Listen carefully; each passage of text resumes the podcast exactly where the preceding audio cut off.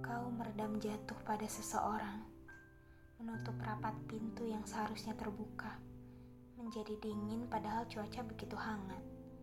Sebab di kepalamu ada pasar-pasar, meriah, meski yang datang itu-itu saja. Kau sarapan di warung nasi remas bumbu cemas, minum jamu sepahit kenangan masa lalu. Kau makan siang cerita dari teman. Katanya dalam hubungan adalah pak tukar tambah janji palsu. Tukang pangkas harapan, renovasi kepercayaan yang runtuh, dan tukang tambal kecewa. Bagimu semuanya merepotkan.